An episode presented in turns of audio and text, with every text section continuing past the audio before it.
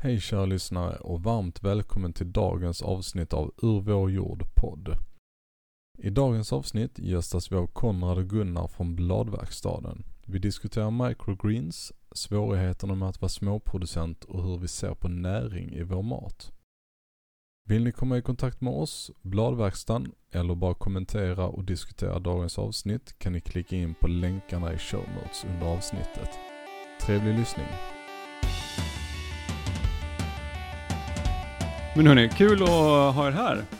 Eh, välkomna till eh, min lilla gula, gula butik. Idag ska vi prata lite om mathållbarhet och produktion. Som jag förstått, ni driver en microgreen-verksamhet här i Malmö. Eh, jag har sett er dyka upp lite här och var nu på sistone, inte minst på eh, Rekoring. Men kan inte ni berätta lite om er själva? Vilka är ni? Vad är det för produkt ni har? Eh, Vad håller ni till och Ja, eh, vi är Bladverkstan. Vi drivs av mig, Gunnar och Konrad här. Hallå? Eh, vi, eh, ja, jag vet inte, vi tröttnade på att det fraktas så himla mycket vatten runt med liksom eh, isbergssallad från Spanien och den kallas ekologisk liksom. Eh, så vi tänkte att lokal mat, det är ju framtiden och eh, satte igång i en liten källare och började odla microgreens som ett projekt från SLU från början, så här ett skolprojekt. Eh, man skulle starta ett fiktivt företag och så gjorde vi en så bra businessplan att våra lärare tyckte vi skulle göra det på riktigt och då blev det sakta, sakta så. Och sen, eh, ja det var våren 2020. Exakt. Så skickade du den planen till mig. Ja, Så här FYI. Här har du våran businessplan som vi har satt ihop. Och så hade vi redan pratat om det där tillsammans med några andra galna entreprenörer några år tidigare som inte kunde hålla en rak linje. Så eh, då satt jag ute i halländska skogarna med mina får och mina höns och var så ah, Fan, det kan bli hur mycket pengar som helst här ju. Microgreens, äh, det, det visste vi redan. Så då åkte väl jag till Malmö, började plugga här och så drog vi igång det. Okej, Har du, har du bakgrund inom jord, jordbruk på något sätt? Eller du hade något eget projekt? Jag har bakgrund inom att gett upp på samhället tror jag. Okej. jag tog ett år på Bäckedals folkhögskola efter Okej. en, en IT-karriär och lärde mig liksom garva skinn, eh, ja, smida, tälja, allting. Man får göra allt i ett år. Helt fantastiskt. Och sen träffade jag en tjej och så flyttade vi ut till halländska skogarna och ja, eh, grävde potatisland, eh, skaffade får och höns och, och sånt där som man gör efter man har blivit inspirerad att bli självhushållande. Ja, lite prepping. prepping. Ja, Ja, exakt. men det, det gillar vi också. Både, både jag och Gustav är ganska intresserade av liksom den, den biten. Och vad händer ifall vi har en apokalyps och så vidare. Liksom. Eh, men då, ni har varit igång i två år nu då. Eh, och det, det ni primärt säljer är mic- microgreens? Kör ni kryddor också eller microgreens? nej det är ganska, det är bara microgreens just nu i alla fall. Så späda skott som möjligt är våran grej. Solrosor och ärtskott kan man odla i backen och skörda med sån, sån stor ma- maskin. Det, Gräsklipparen. med gräsklippare, ja. Eh, Så vi nischar ju oss på eh, de, alltså de brassickorna. Eh, Så broccoli, rödkål, kålrabbi.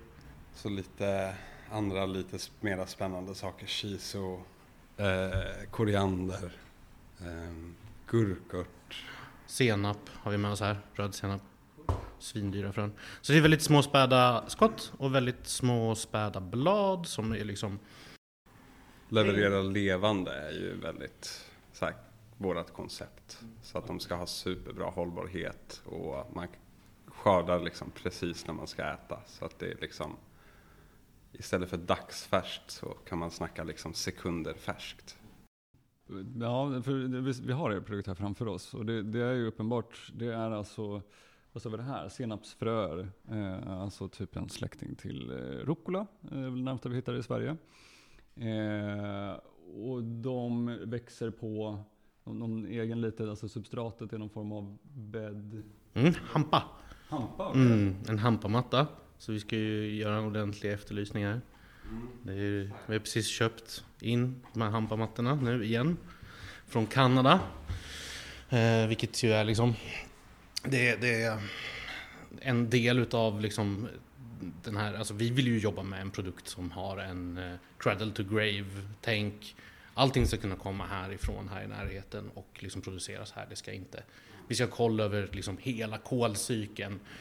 Eh, och eh, vi kan tyvärr inte både vara konsumenten utav ha- hampamattor och producenten. Eh, så det, generalen, vad heter hon?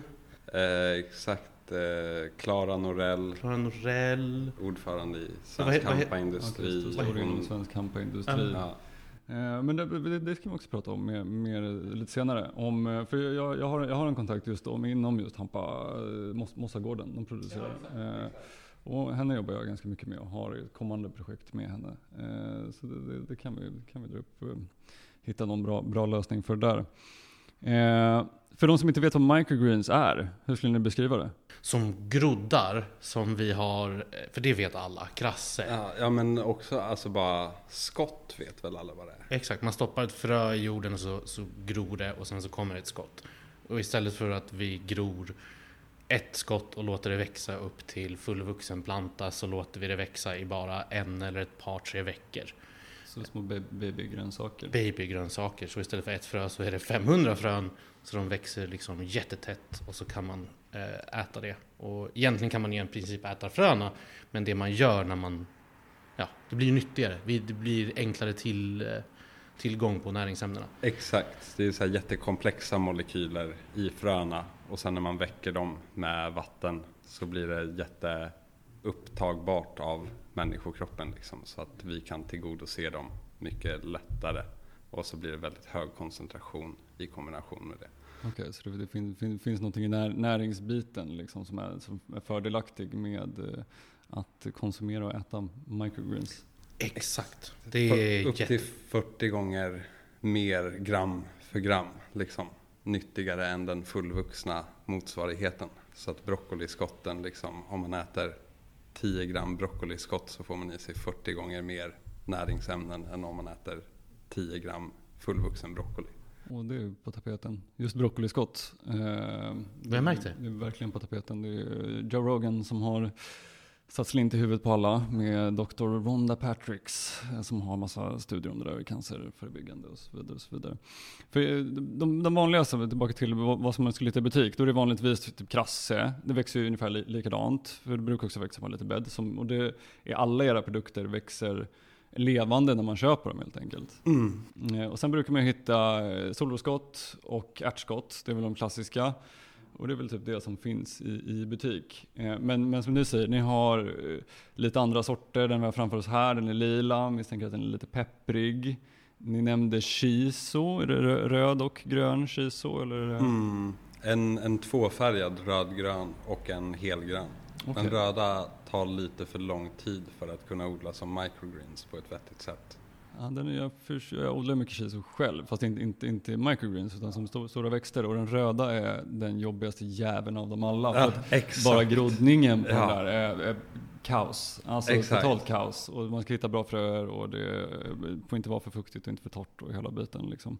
Men otroligt gott. Alltså, det, Supergott. det, det, det är verkligen något jag skulle rekommendera folk att prova. Och i microgreens så får du också en annan smak på det. Än, alltså just i shiso, jag har bara provat det en gång, men det blir väldigt liksom komprimerad shiso-smak. Eh, och shiso kan ju likna kanske lite andra grejer. Alltså, nu, basilika säger vissa, vissa säger att röd shiso, att det går mot liksom röda bär i toner. Jag tycker nästan det kan, ja exakt, Spis- kummin. Ja. Vad var det mer vi hade? Den ena var väl lite åt nästan mentoligt håll och den andra var väldigt så spiskummin. Hur som helst så kändes det som en väldigt så rund ton som skulle kunna funka till Alltså vi har väl det för att vi tänkte att det skulle ha någonting som funkar till desserter. Mm. Eh, som och- inte är citronmeliss som alla liksom slänger på och bara är lite strävt för att den är så himla, ja men den fullvuxen liksom.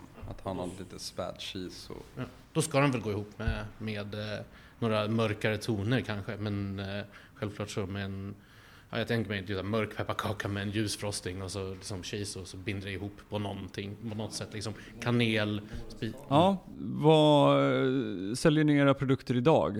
Eh, har, har ni några marknader eller har ni, eh, hur säljer ni er produkt?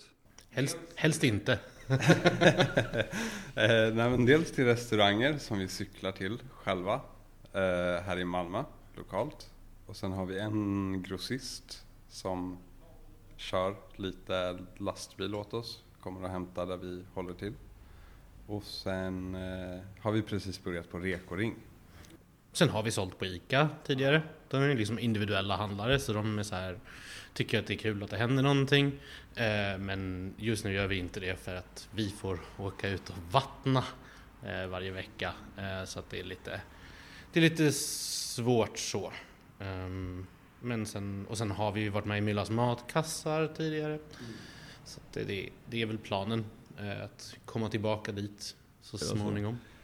Eh, Det låter som att ni har varit på många olika, olika platser. Jag kan tänka mig att det där är ju som vi pratar med många producenter och som jag själv upplever. Alltså, eh, själva produktionen, absolut, jobbigt, svinroligt. Men försäljningen är inte alltid kanske lätt, det lättaste. Eh, åtminstone inte för mig, har det inte varit. Även när det kommer till restauranger och rekoringar, jag var med och startade upp Rekoringen i Malmö. Eh, har liksom varit tvungen att öppna en butik. Det var också svårt. Eh, nu öppnar vi en salladsbar, hoppas det blir lite lättare liksom. Eh, men försäljningen är ju jäkligt eh, svår liksom. Eh, men därför är det så viktigt att folk, folk vet vad man får tag i ens produkter. Eh, och just för att ni sa att ni har shiso och eh, koriander i micros så tycker jag att folk borde leta upp vart de kan få tag i, i det. För det, det är två jävligt unika smaker som är någonting, någonting extra. Eh, sen, sen rent, om vi kommer gå in mer på näringsbiten sen kanske. Eh, men jag bara har det som ett litet kosttillskott. Misstänker också att det finns massa annat gött i, i det. Eh, men ni håller till i Au- Augustenborg, Malmö? Jajamän.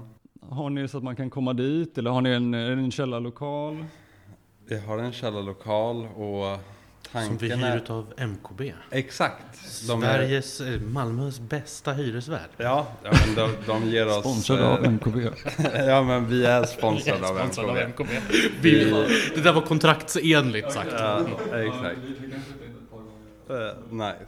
Eh, nej men... eh, ja men alltså man kan väl komma och besöka. Det är ju lite livsmedels liksom produktion. Men lokalen är uppdelad så att vi har två ingångar. Så att man kan komma in i liksom ett litet eh, lounge area och eh, kontoret. Så där, där är det inte liksom livsmedelsproduktion alls. Eh, och sen den andra delen är väl lite mera kinkigt. Då eh, kan man få komma på tur men då får man byta om till någon labbrock och sätta på sig ett par eh, foppatofflor. Okej, ni har, ni har så, sån liksom steril produktion i, i den formen också. Det, det ska ju vara så sterilt som möjligt. Alltså vi har inte så mycket andra eh, regler och lagar att följa än att vi är i ett växthus. Så, att liksom, så. Men eh, det är lite skillnad i vilka typer av bakteriekulturer som kan få tillväxt inomhus och utomhus. Så att det finns ju liksom inget mikroklimat vi vill uppmuntra utan det är ganska tråkigt att det måste vara ganska sterilt. Alltså så här, kommer, kommer Livsmedelsverket och kollar så eh, ser ju inte de liksom det positiva i att vi har companion plants och jord och det springer runt små anker liksom där nere. Det hade varit jättetrevligt men det, det är tyvärr inte godkänt. Det, det är väl också med frö, fröer och liksom alltså allt det här med groddning och sånt. Att det, det är väl extra med typ salmonella, är det det? Mm. En, en E. co- e, he, ja, e. coli, salmonella och listeria. Okej, så det, det, det blir det väl extra misstänker just för att ni har en sån typ av pro- produktion. Liksom.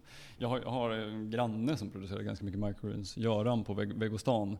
Han kör inga de här special eh, utan han, han kör ju liksom standard, alltså rä- rädisa, solroskott och ärtskott eh, och pumpar ut i, i volym som han gör med allting annat. Ehm, men han, alltså han, han har allt hans är superrent och tidy, liksom. han är en sån som person. Men jag kan tänka mig att om jag skulle kommentera, liksom, han har absolut inte en labbrock utan han har varit ute i trädgården och härjat och rivit och sen så går han in och liksom skördar. Och Nej men vi har ju vetat om Göran sen, första, för, sen dag nummer ett och framförallt sen, liksom, nu vet jag inte hur mycket jag ska outa någon, men sen vi kom till Mylla och var så ah, här har vi!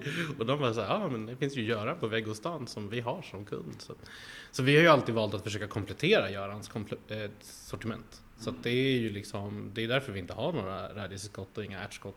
Men det passar sig heller inte riktigt för vår typ av produktion. Utan ju mindre frön desto bättre är vi ju typ, typ vår produktion. Ja, exakt. Men sen också om man, om man har tillgång till utomhusodling så får man ju en superbra komposterbar eh, rotmassa varje gång man odlar upp. Så att om man skördar, som Göran gör, eh, då får man ju den rotmassan som man kan kompostera och bara lägga på sina odlingsbäddar ute. Och det är ju hur bra som helst. Eh, men vi har ju ingen utomhusodling alls, utan vi är ju bara inomhus. Så då blir det också lite så här lite mera waste om man ska skörda och då vill man ju hitta någon, något hållbart sätt att bli av med sina restprodukter och ja. Så vi kör väl mera på att folk ska kasta det i den bruna kompostpåsen liksom och ja, göra biogas av restprodukterna hemifrån. Men man kan absolut bara ta den här fina lilla rotmattan och dekorera sin, sin täckodling med. Mm. Det är fantastiskt. Vi skulle vilja göra andra saker med. Exportera, eh, ja, vattna med bokashi och exportera.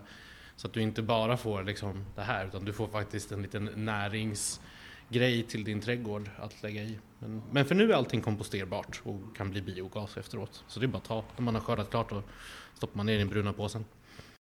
Vad coolt. Det måste vi gå in på mer. Det låter som att ni har tänkt lite på mikroorganismer och näring och oh, restprodukter. Och det är, sånt, det är, sånt, som jag går eh, loco på. Eh, det är liksom mina, mina sid, sidoprojekt förutom sånt här som, som jag eh, sitter hemma och researchar och tänker på.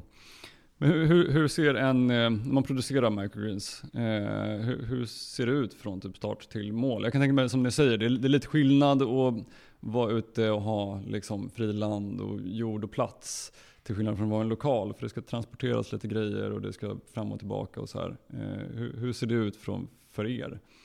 Eh, för köper ni in kompost, bär in det?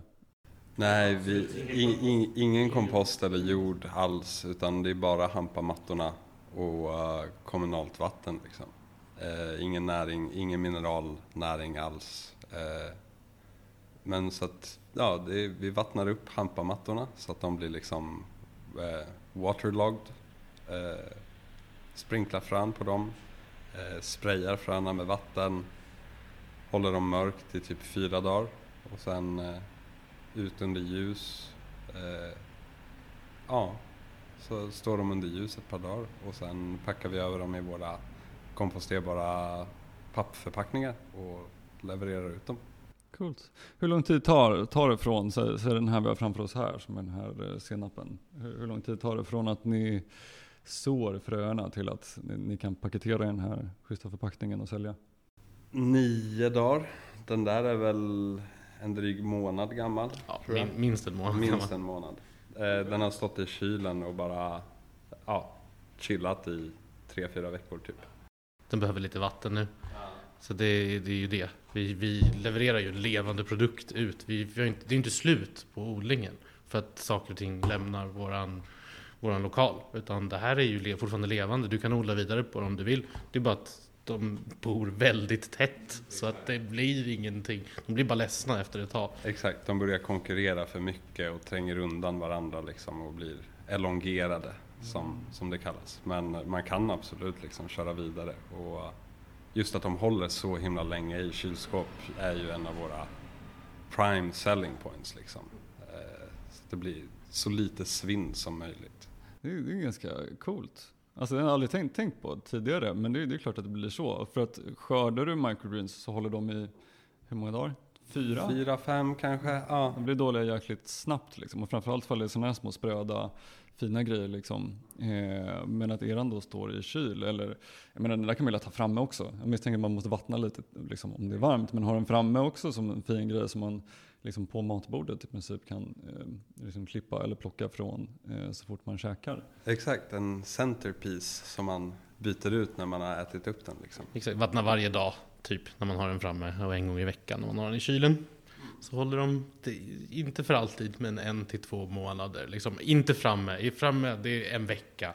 Alltså de, om man vill, om man vill ha för stora. Ja, exakt. Vill man ha liksom- kvar dem så får man skörda. Då får man skörda och så får man spara en, två, tre, fyra stycken och plantera ner dem i jord. Så blir det ju, en, det blir ju vad nu det här blir. Jag har aldrig sett vad Jo, men den där senapen, den blir en, eh, en hög, ranglig eh, senapsplanta som får väl, ja men tiotal baljor med senapsfrön i. Så man skulle kunna göra en ett par milliliter Dijon kanske om man odlade vidare den senapen. Liksom. Min mormor har eh, sparat på rödkål som hon har fått och fått ett rödkålshuvud. Liksom. Sparat bara en enda och planterat ner i sin balkonglåda och sen eh, tre, fyra månader senare liksom skördat ett rödkålshuvud.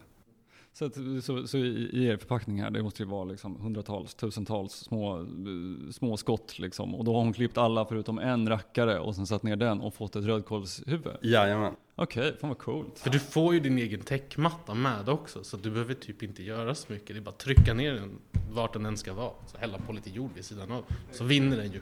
Vilken kul grej. Jag tänkte när man köper den där, jag tänkte mig som en småbarnsfamilj, köpa hem en sån där och så liksom får man se dem växa, plocka dem och sen att det blir någonting efteråt, eh, efteråt också. Misstänker att ni inte är ekologiska. Nej. Jag misstänker också när jag hör på liksom er input i er produktion. Vad för, fördelar och nackdelar med att vara ekologisk eller krav eller vad det nu finns för andra certifieringar? För, Fördelen för är väl att man har en massa pengar så att man har råd att certifiera sig om man är kravcertifierad till exempel. Det kostar ju ganska mycket. Det är ju inget, inget kapital som vi har liksom. Eh, och sen måste man ju typ odla jord mer eller mindre. Typ två deciliter jord minst. Och vi vill ju ha en helt jordfri produktion. Så då blir det väldigt svårt att bli certifierad också. Och sen så ska man, vi ska inte sticka under stolen med det, att sen ska man också ha ekologiskt utsäde. Mm. Vilket vi väldigt sällan har. Vi har köpt så mycket olika ekologiska fröer, det funkar inte. Det, de, är, de är för vilda, de har för mycket livskraft i sig. De hoppar runt och eh, gör inte alls som vi vill. Så att ska man ha ett brett utbud av microgreens så går det inte alltid att välja ekologiskt utsäde. Nej, jag förstår. Det där är ju liksom en diskussion i sig, hur, hur stor den skillnaden på utsädet är också. Alltså rent till vanliga odlare som ska sälja stora vuxna grönsaker. Eh, hur stor skillnaden är på ett konventionellt versus ett ekologiskt eh, utsäde. Eh, och där är, finns det många delade meningar vad som funkar bättre och sämre och ifall det ens är någon skillnad och ifall det dras med något gift eller någonting. Eh, min, min personliga ståndpunkt är att jag tror till exempel inte att det skulle spela någon roll ifall ni, alltså för, förutom i produktionssyfte som ni pratar om, så tror jag inte att det skulle spela någon roll rent kemikaliskt eller giftmässigt ifall ni skulle använda eh, konventionella fröer eller ekologiska fröer. Nej, alltså ekologisk märkning är hur, inte hur mycket gifter du ska äta utan hur mycket gifter vi ska ge insekterna och livet runt omkring där vi odlar. Det är ju det, den ekolo- det är väl det det verkligen reglerar. Alltså så här, väljer du ekologisk bomull så, så dör inte humlorna runt omkring den ekologiska odlingen. Eh, det är ju det man betalar för. Inte, det är inte så att det är mindre gift sen, eller liksom för dig. De nivåerna är ju kontrollerade. Det, det, det, vi bryr ju oss hur mycket gift man stoppar i sig, det är ju liksom bestämt på EU-nivå. Men, men hur mycket gift vi ska ge till insekterna runt omkring odlingen är väl så är det ju. Så det, det, är min, liksom så här. Men jag är ju den jag är när jag tittar på ekologisk märkning och jag vill jättegärna, jag blir alldeles tårögd här, jag vill jättegärna att det ska stå att våra produkter är ekologiska på, i varu i hyllan liksom. Men eh, vi får inte skriva det. Eh, och istället så står de bredvid tomater från Spanien i eh, säsongsbyggda växthus som blåser ut i havet. Eh, transporterade hit i en fucking lastbil. Och det, det får stå ekologiskt, en stor grön skylt att den här produkten ska du välja. Medan vi har cyklat ut med den här produkten, odlat den själva, liksom, tänkt igenom hela vår kolcirkel, hela vår cradle to grave. Det är liksom därför vi kommer till den här podcasten. För att hela det där systemet är ju helt fel. Det är ju inte... Det är, det gör, det är, folk blir ju missinformerade i ICA-butiken. 100 procent. Jag tror, jag, tror, jag tror att hela de här certifieringsgrejerna, det är därför jag är väldigt öppen för liksom alla bitar, både ekologiskt och konventionellt, för att faktiskt se var problematiken ligger. Och liksom eh, är, är, en produkt bättre för att den kommer från Spanien och det står eko på den än ifall den kommer från Sverige och det inte står eko på den. Liksom. Det, det, det, är liksom en väldigt bred diskussion. Och det finns många olika åsikter. Det finns olika eh, fakta och forskning. Och påverkar det fröer? Påverkar det i hur stora mängder glyfosat man använder? Hur, stora mängder i ekologisk odling kopparsulfater? Eh, som koppar dödar allting i jorden. Liksom. Inte jätte så som jag tänker ekologiskt. Men, men det, det, det är okej okay, liksom, i ekologisk eh, odling. Eh, och det, det, jag menar, det, det är därför vi, vi vill få, eh, få fram eh, er och den lokala maten. För, för att eh, småskaliga producenter i, i, alla som jag har träffat i alla fall, de, de gör ju det här med en passion och vilja att göra någonting bättre. Liksom. Oavsett ifall de är ekologiska eller inte. Jag har ju aldrig liksom stött på någon av alla som jag träffat som har varit så här ah, nej, men jag använder glyfosat för att jag tycker att eh, det är mumsigt att slänga på det här. För då vet jag att så här, då dör allting. Eh, alltså så här, det är ingen som har den, det, det är liksom, alltså, men, men, det, men det, det, vet ju så här, storskaliga bönder kommer ju, alltså för de vet ju deras liksom jättestora produktion, att det är fördelaktigt att använda de här olika ämnena. Så att eh, de vet att allting dör och de njuter nog av det för då slipper de se, se allt jävla ogräs liksom. Och det finns ju liksom, eh, det är inte jättecharmigt, men det finns väl någonting liksom i produktionssyfte som, som ändå makes sense i det, i vår globala kapitalistiska stora produktion. Liksom. Men när man kommer lokalt och litet och liksom med små företag. Eh, jag har än åtminstone inte träffat någon som liksom har haft dåliga intentions på något sätt. Utan tvärt emot. Alla är superpassionerade, alla har en egen historia, alla började för att, någonting för att göra världen bättre, hållbarare, vad det nu är för någonting. Liksom. Därför är det viktigt att få ut liksom, små producenter som, som er, som kommer med kunskap och passion och intresse eh, som kan liksom, ja men nu ut, kom ut med den produkten. och, så, och så kopplar du allt det där som vi nu gick igenom tillbaka till den här stackars människan som bara, som bara vill handla mat för dagen och ska liksom så här stressa ihop en fin middag till familjen. Och så bara tar de en, en, en det finns en svensk tomat och det finns en spansk tomat. Och den bara, hela den där världen ska bara öppnas upp för deras huvuden. Och de bara Hmm, och sen så börjar jag gå vidare och så är det nästa sak som kan handla, handla gurka liksom. Att gå och handla med mig, det tar ju en timme. Då står man vid alla tomaterna och är så okej, okay, ja men den här är ekologisk, men den är från Holland. Så det, men den här är svensk, men den är konventionellt odlad. Och vilken månad är det nu? Ja men det är, det är oktober. Kan den fortfarande vara odlad utomhus? Nej, det är nog en växthustomat. Okej, okay, så att om man börjar räkna på det där och transport den sen. Oh, så att var, varje produkt är liksom en livscykelanalys i, i huvudet innan man kan göra ett val.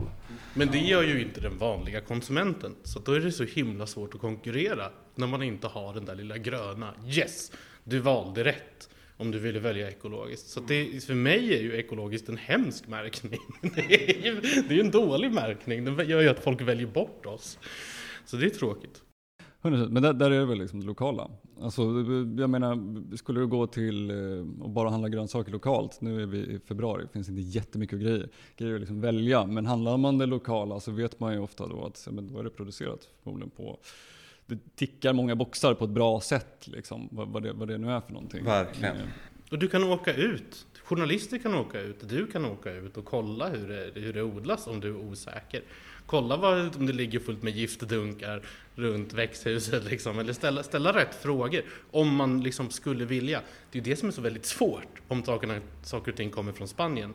Det är inte våra, ja, eller, eller ännu värre, ännu längre bort ifrån. Då är det ju inte ens EU-bestämmelser utan då är det liksom deras lands lagar och regler som bestämmer och det spelar ingen roll vad vi säger. Eh, vi, ska liksom, vi, vi, kan inte påverka där borta. Så det är trevligt med lokalt för att man kan påverka det lokala. Ja, och det känns, det känns också som att det blir simpelt för kunden. För jag tror där, där är väl en stor del av problematiken som vi pratar om. Vi sitter här och pratar, du har ju mycket kunskap om liksom diverse olika säsonger, produkter kommer från Holland, transport och så vidare. Liksom. Hur fan ska en vanlig Svensson som har liksom eh, barn hemma och ett jobb och liksom det är aktiviteter och har ett eget intresse.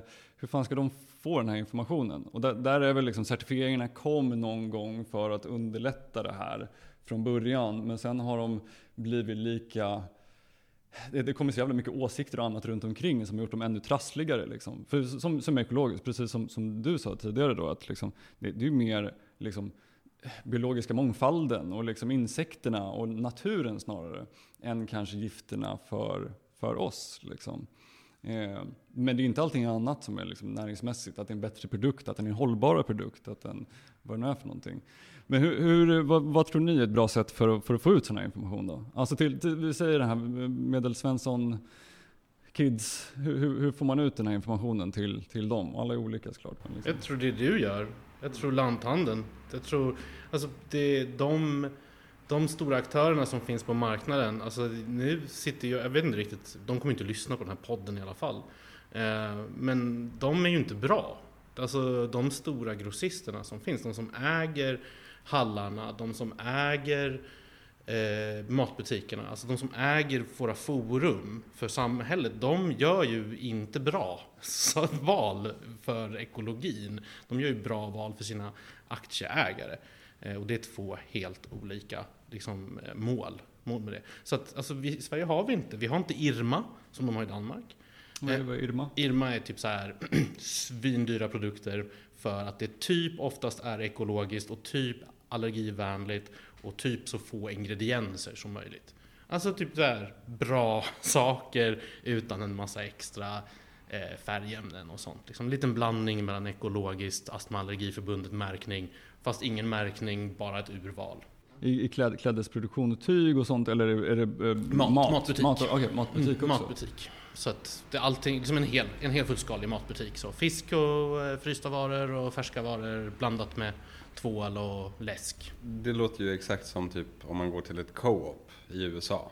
Det är ju också en jätte, jättestor matbutik, liksom stor som en ICA Supermarket. Men allt är typ ekologiskt eller så här. Ja, men mycket lokalt, eh, mycket lösvikt så att man får komma dit med sina egna förpackningar. Typ alla grains, eh, lösviktsvaror, alla tvålar är så här, ja men typ Dr. Bronners så här super ekologiska tvål. Liksom. Eh, så det är en matbutik där man kan gå in och bara allt man väljer vet man att någon har valt ut till den butiken med, liksom, med en tanke bakom och med omsorg. Eh, det vore ju fantastiskt. Det sa mina tyst tyska kompisar när de kom hit också. De bara, varför finns det inga så här eco-stores i Sverige?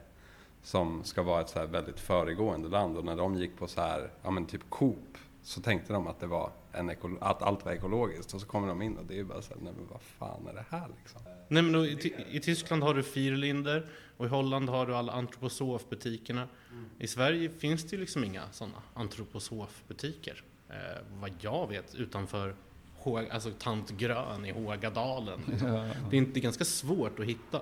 Medan liksom Amsterdam, varannan butik är, är antroposofbutik. Liksom varenda produkt där inne. Det gör ju liksom att det går att handla mat med Gunnar. Det går ju inte annars. Man vet att han, man bara säger Gunnar den finns i den här butiken, bara ta den, den är bra, jag lovar dig, den är bra. De, de har kollat upp allting.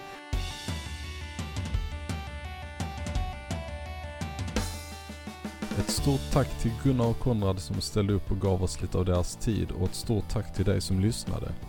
Vill ni komma i kontakt med oss, Bladverkstan, eller bara kommentera och diskutera dagens avsnitt kan ni klicka in på länkarna i show notes under avsnittet.